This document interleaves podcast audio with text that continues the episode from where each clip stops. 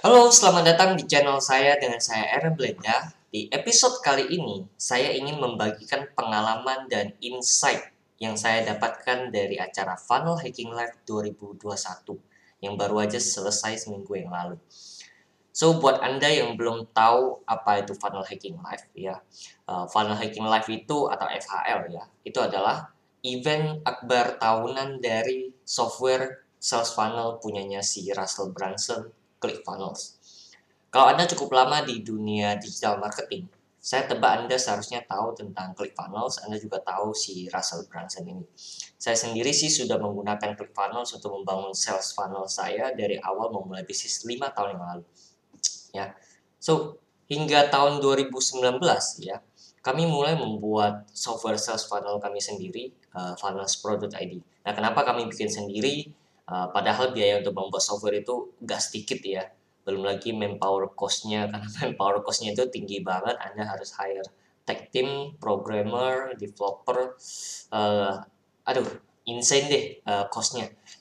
Kemudian uh, kita juga butuh tech team yang strong dan uh, yang harus dipikirkan banyak lah ketika kita memutuskan untuk membuat software. Tapi mungkin saya akan membahasnya di episode yang lain karena ini bisa jadi episode sendiri ya panjang. Uh, intinya adalah kami merasakan sendiri bagaimana konsep sales funnel ini mengubah bisnis dan hidup kami. Oke, okay, sehingga kami juga ingin membantu lebih banyak pengusaha di luar sana, ya di Indonesia terutama, agar mereka bisnisnya itu bisa grow gila-gilaan dengan Funnels Pro. Nah, kita kembali ke FHL, ya. Apa yang membuat saya kepikiran untuk join FHL tahun ini? Ada dua alasan sebenarnya. Yang pertama, uh, karena memang saya sudah komit ya alokasikan dana untuk investasi leher ke atas. Jadi minimal setahun itu empat kali saya harus mengikuti workshop. Itu komitmen saya ya.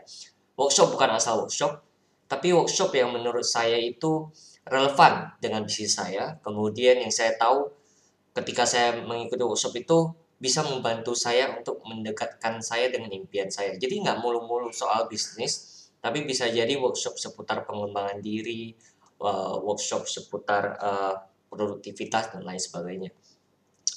Biasanya saya hanya akan belajar dari yang terbaik ya ketika saya mengikuti workshop meskipun membutuhkan investasi dengan nominal yang tidak sedikit. Jadi untuk teman-teman yang hobi belajar, hati-hati. Kenapa? Jangan sampai semua workshop itu diikutin ya. Tapi malah akhirnya Anda jadi overload information dan bingung harus ngapain ujung-ujungnya ya Anda hanya akan jadi seorang seminar junkie. Ya seorang yang addicted dengan yang namanya seminar. Jadi ada seminar A B C D E sepanjang tahun itu semua diikutin gitu. Kemudian alasan kedua saya mengikuti FHL itu adalah kebetulan tahun ini ya kami mendapatkan penghargaan to Cloud Award dari ClickFunnels. Karena salah satu sales funnel kami itu berhasil nembus omset 14M ya dari satu sales funnel Oke, okay. yeay. Actually, sales funnel yang satu ini uh, itu sudah mencapai target 14M ya dari dua tahun yang lalu. Hanya saja gimana ya, saya sama Rico itu nggak pernah nyari tahu tentang 2, Club Award. Kami juga uh, apa ya, mungkin belum prioritasin ke sana kali ya. Dan memang memang nggak pernah cari tahu juga sih. Terus ternyata itu harus apply. Jadi awal tahun 2021 barulah uh, saya cari tahu proses apply award-nya itu seperti apa dan ternyata kita lolos kriteria gitu. Nah, just for information ya, uh, Tukomaker Award ini bisa dibilang merupakan salah satu award paling bergengsi buat para internet marketer. Oke. Okay. Saya tahu ini bergengsi karena setelah saya bagikan di Instagram gitu ya, banyak digital marketer itu DM saya gitu. Mereka say congrats ya. Mereka mengucapkan selamat dan berharap mereka juga bisa mendapatkannya dalam waktu dekat. Itu itu itu alasan saya mengatakan ini bergengsi. Saya tapi saya nggak tahu mungkin buat anda nggak bergengsi aja loh ya. Uh, jadi saya cukup penasaran dengan proses award itu ya. Saya penasaran dengan uh, proses ceremony awardnya itu kayak gimana sih ya. Apalagi ketika event berlangsung. Karena yang saya tahu kalau nggak salah uh, kalau orang yang hadir itu bakal maju ke depan gitu. Jadi saya penasaran gitu karena saya mengikuti FHL ini yang tahun ini itu versi virtualnya Zoom ya lewat Zoom. Karena lagi kondisi begini kita nggak bisa bebas. Sayangnya sayangnya nih saya ketiduran karena perbedaan waktu di US dengan di sini ya. Proses awardnya itu berlangsung subuh dini hari waktu Indonesia ya Padahal saya udah siapin cemilan, saya udah ngopi nunggu sampai jam 3 pagi. Beruntungnya ada replay sih, tapi di uh, replaynya itu nanti dikasihnya itu di akhir tahun. Ya, kalau udah dikasih mungkin nanti saya bisa share ke teman-teman gitu ya prosesnya itu seperti apa saya juga penasaran banget oke itu sekilas tentang FAL 2021 agar anda punya konteks sedikit dulu tentang apa itu FAL dan kenapa saya memutuskannya untuk membagikannya dengan anda di episode ini nah next saya akan bahas apa sih yang saya pelajari dan bisa teman-teman pelajari dari annual event ClickFunnels ini yang pertama ya yang saya amati yang saya pelajari yang saya catat gitu ya hmm, high ticket itu bukan mission impossible. Ya, high ticket bukan mission impossible. Sekedar informasi, harga tiket FAL itu sekitar 1000 USD untuk yang versi virtual via Zoom. Kemudian 2000 USD kalau nggak salah untuk yang hadir offline, yang hadir tatap muka. Dan Anda tahu berapa pesertanya? 3000 offline dan 3000 online. Ya. Jadi full book, total 6000 peserta. Oke, Anda mungkin berpikir, well, 1000-2000 USD di sana kan nggak berarti apa-apa gitu. Well, Anda perlu tahu itu cuma tiket masuk loh. Ya, tiket masuk itu di harga 1000 sampai 2000 USD. Kemudian ada program lanjutan lagi dari si Russell namanya 2, Club uh, 2, Club X ya, 2CCX. Itu harganya puluhan ribu dolar. Ya, dijual ketika event berlangsung jadi selling on stage uh, yang daftar puluhan orang di tempat langsung ya langsung beli di tempat so saya pengen teman-teman tahu bahwa high ticket itu bukan sesuatu yang impossible asalkan anda melakukannya dengan benar. Banyak entrepreneur itu nggak berani untuk jual mahal simply karena mereka kurang pede dan mereka tidak tahu caranya. Percayalah high ticket client ya itu jauh lebih mudah dilayani daripada low ticket client. Mereka itu jauh lebih berkualitas. Mereka itu gak banyak cincong ya dan mereka itu bagusnya adalah mereka pay more attention gitu. Dan di dalam bisnis anda pasti mau klien-klien yang seperti itu ya anda tidak bisa mendapatkannya dengan berjualan tiket murah klien-klien seperti itu oke dan yang kedua ya informasi adalah komoditas oke aset sesungguhnya itu ada di komunitas jadi jangan terbalik ya. Informasi adalah komoditas, aset yang sesungguhnya itu ada di komunitas. Di zaman sekarang, informasi apa aja bisa ditemukan di YouTube atau Google. Bahkan yang katanya teknik barulah, materi barulah, cara barulah, hari ini nggak ada di YouTube katanya ya. Begitu Anda bagikan ke beberapa orang saja, maka bisa dipastikan konten Anda, materi Anda itu akan termuat di YouTube atau Google dalam hitungan uh, waktu dekat. Memang apa yang dibagikan sepanjang FHL itu adalah value bomb sih. Uh, saya akuin uh, banyak dagingnya gitu.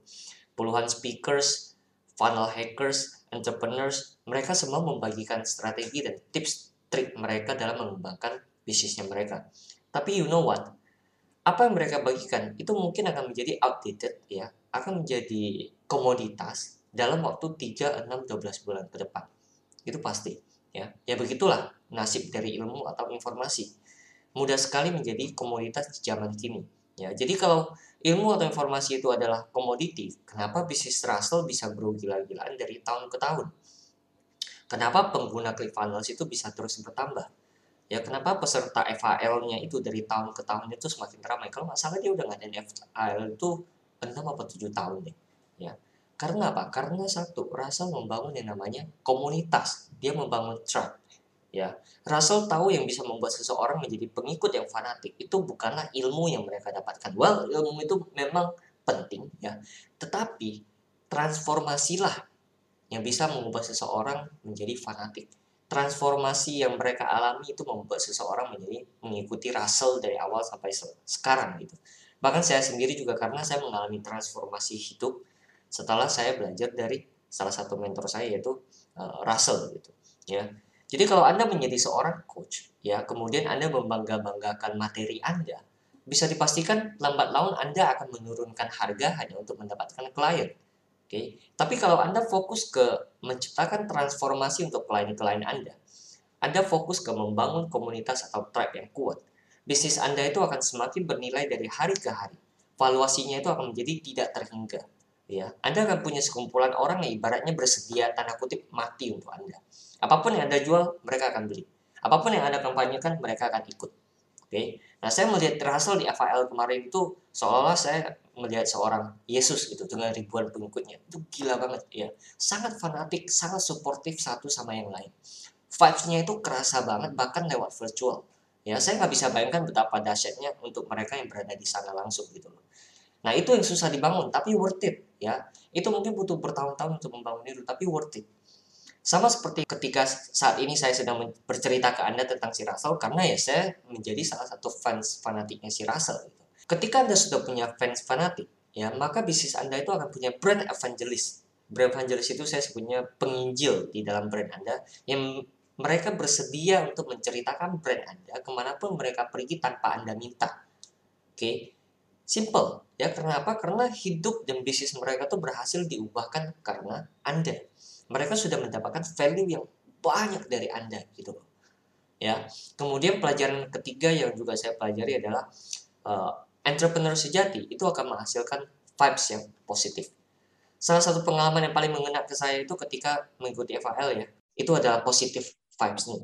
Jadi semua orang begitu antusias, terdengar dari sorakannya ya, terdengar dari uh, kelihatan dari gestur tubuh mereka, sorak-sorai mereka, uh, mereka lompat-lompat segala macam ketika setiap speakers naik ke pentas.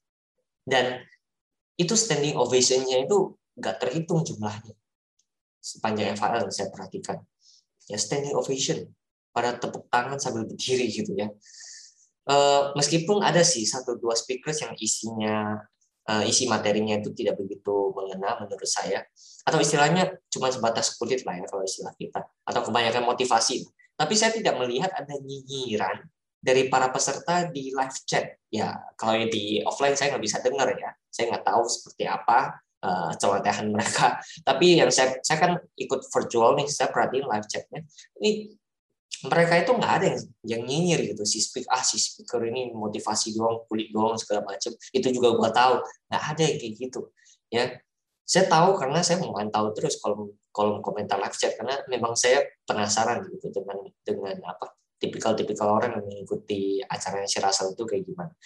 Dalam hati saya mikir gini, kalau di Indonesia, saya mendeliver materi berbayar, kemudian isinya itu cuma sebatas kulit atau saya kebanyakan motivasi gitu ya, pasti saya bisa dihujat habis-habisan sama netizen. Nah menurut saya, gini, ambang kehancuran seorang entrepreneur itu adalah ketika mereka merasa mereka sudah tahu segalanya dan tidak lagi mau belajar. Padahal kalau kita mau membuka hati, mau mengosongkan gelas. Kita bersedia belajar dengan growth mindset, bukan fixed mindset ya. Kita tetap bisa kok mendapatkan suatu pembelajaran yang tidak ternilai harganya, meskipun yang membawakan materi itu hanya menceritakan sesuatu yang menurut Anda sifatnya motivasi. Tapi kalau kita bisa melihat dari perspektif yang berbeda, itu akan menjadi sesuatu yang baru, bahkan bisa mengubah hidupnya kita. Gitu loh. Ya, tapi ya mau gimana lagi, kebanyakan dari kita itu memang senang dengan namanya pil ajaib. Ya, berharap ada sesuatu yang kalau dilakukan, langsung bisa tajir melintir. Mereka tidak lagi menghargai proses. Jadi ketika kenyataan tidak bertemu dengan ekspektasi, endingnya itu adalah negative vibes. Ya mereka jadi uh, membicarakan si speaker, membicarakan coach mereka, membicarakan mentor mereka, whatever. Oke. Okay? Nah kemudian pelajaran keempat ya hook itu bikin orang datang, story yang bikin orang betah.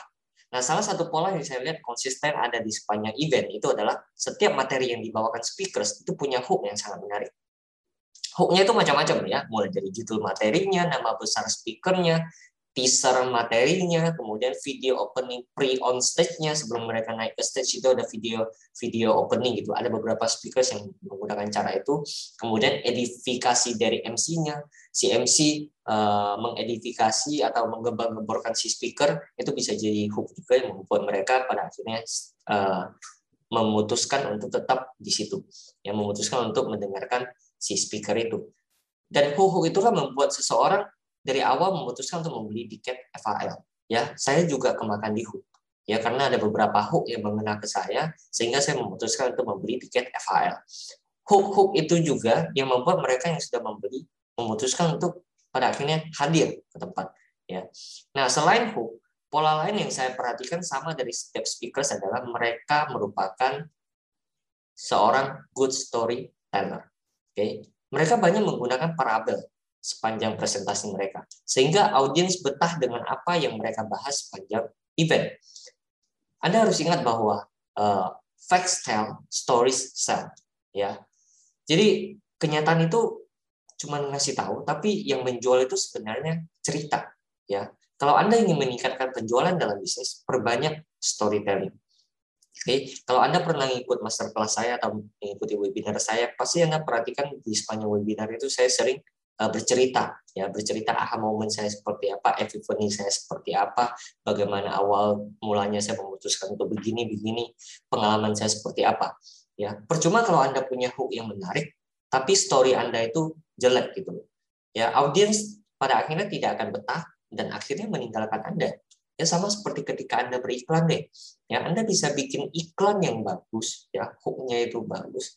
Tapi ketika mereka masuk ke landing page Anda, uh, hooknya bagus tapi story-nya jelek atau Anda tidak bisa membuat mereka tetap bertahan membaca sampai selesai uh, landing page Anda, sales page Anda, maka percuma. Anda tidak akan menghasilkan yang namanya penjualan.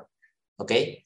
Dan yang terakhir yang saya pelajari dari uh, event FAL adalah bule itu tidak lebih pintar dari kita kok. Ya, saya ulangi, bule itu tidak lebih pintar dari kita. Saya tidak tahu bagaimana dengan kalian, tapi saya sendiri lima tahun yang lalu itu merasa inferior dengan bule-bule dari luar. Ya, saya merasa mereka itu lebih pintar, lebih smart, lebih X, lebih Y, lebih Z. Oke, okay? uh, yang cowok badannya lebih keker, kemudian saya merasa ceweknya yang blonde-blonde itu lebih lebih menarik gitu ya. Uh, pokoknya kayak apa pun yang mereka lakukan itu kok kayaknya lebih oke okay dibandingkan dengan orang-orang Indonesia, orang-orang kita. Bahkan ketika saya punya impian untuk go internasional, impian tersebut pun pernah saya kubur dalam-dalam ya. Tapi setelah beberapa tahun belakangan ini saya mengikuti event-event dari luar, saya ngobrol dengan beberapa teman yang sudah go internasional yang bisnisnya sudah uh, sampai di luar gitu ya. Saya akhirnya menyadari bahwa mereka itu juga manusia yang tidak jauh beda dengan kita. Oke, okay? Mereka itu nggak lebih smart, mereka itu nggak lebih pintar, bahkan mereka juga punya problem yang sama dengan kita. Oke, okay? tidak sedikit juga orang-orang kita itu jauh lebih smart kok dari mereka, apalagi untuk teman-teman pebisnis yang sudah go internasional, ya marketer-marketer yang sudah bermain di kancah internasional, itu bisa dibilang skill marketing itu mereka jauh lebih oke okay daripada bule-bule di luar sana. Ya, jadi dari point of view seorang entrepreneur, ya Anda jangan pernah takut untuk go internasional. Yang membedakan itu cuma duitnya saja kok. Sumpah, ya. E, maksudnya dari duitnya itu gimana? Iklan ke sana itu lebih mahal, pasti, ya. Karena kompetisi itu tinggi. Bisa kalau kita ambil contoh US aja, e, bisa dibilang US itu e, apa ya? Saya nggak punya data sih, tapi pengalaman saya mengatakan bahwa e, kebanyakan orang itu iklannya itu ngincer market US. Oke, sehingga menyebabkan kompetisi di sana itu tinggi banget. Tapi kabar baiknya adalah ya daya beli mereka itu besar. Itu alasannya kenapa orang mengincar ke US. Gitu. Market size-nya itu besar. Ya, income yang bakal kita dapat juga pada akhirnya akan jauh lebih besar ketika kita cuma main di lokal. So kalau Anda ingin mencoba pasar di luar negeri, silakan. Anda yang ingin ekspansi juga silakan. Jangan takut ya, go ahead. Selama bisnis Anda itu memang bisa menjadi solusi, bisa menyelesaikan masalah orang-orang, maka all out. Oke, okay? Sekian untuk episode kali ini, semoga bermanfaat. Uh, see you di episode selanjutnya.